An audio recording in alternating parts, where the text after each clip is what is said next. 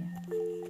Qala ta'ala, "Innal insana khuliqa halu'a."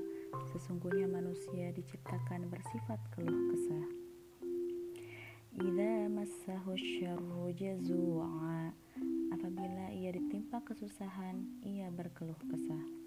Yakni manusia ketika ditimpa musibah, ketika ditimpa kesusahan, mereka ketakutan, mereka berkeluh kesah, mereka putus asa dari kebaikan yang kelak akan didapatkan setelah musibah itu terjadi. Dan sifat buruk yang kedua adalah wa idza massahul khairu manu'a dan apabila ia mendapat kebaikan ia amat kikir. Manusia jika mendapat nikmat dari Allah ia akan ia akan menjadi orang yang kikir terhadap orang lain tidak mau menunaikan hak Allah yang ada pada dirinya, yang ada pada hartanya. Namun Allah Maha Pengasih lagi Maha Penyayang. Pada ayat selanjutnya, sifat-sifat tercela manusia dapat diobati dengan berbagai cara. Yang pertama, illal musallin alladzina hum ala salatihim daimun kecuali orang-orang yang melaksanakan sholat, mereka yang tetap setia melaksanakan sholatnya. Sholat merupakan tiang agama.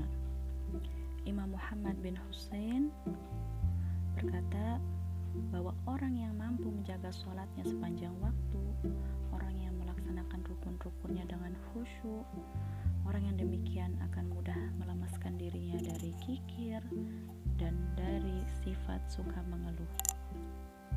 Cara yang kedua untuk menghindari sifat kikir dan suka berkeluh kesah adalah ayat selanjutnya.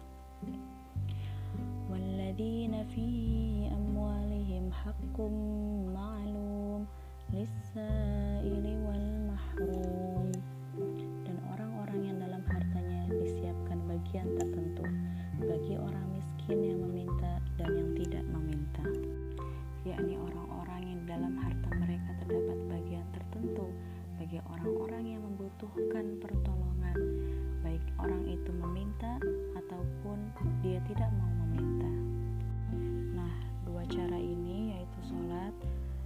dan sodakoh atau memberikan sebagian harta kita kepada orang yang membutuhkan, kita jadikan sebagai kebutuhan dalam hidup kita, bukan menjadi kebiasaan.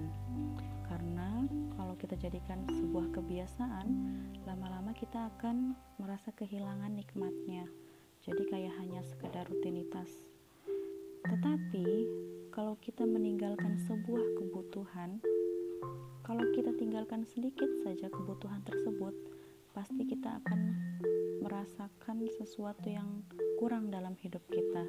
Pasti hal ini akan sangat berpengaruh bagi e, keseimbangan hidup kita.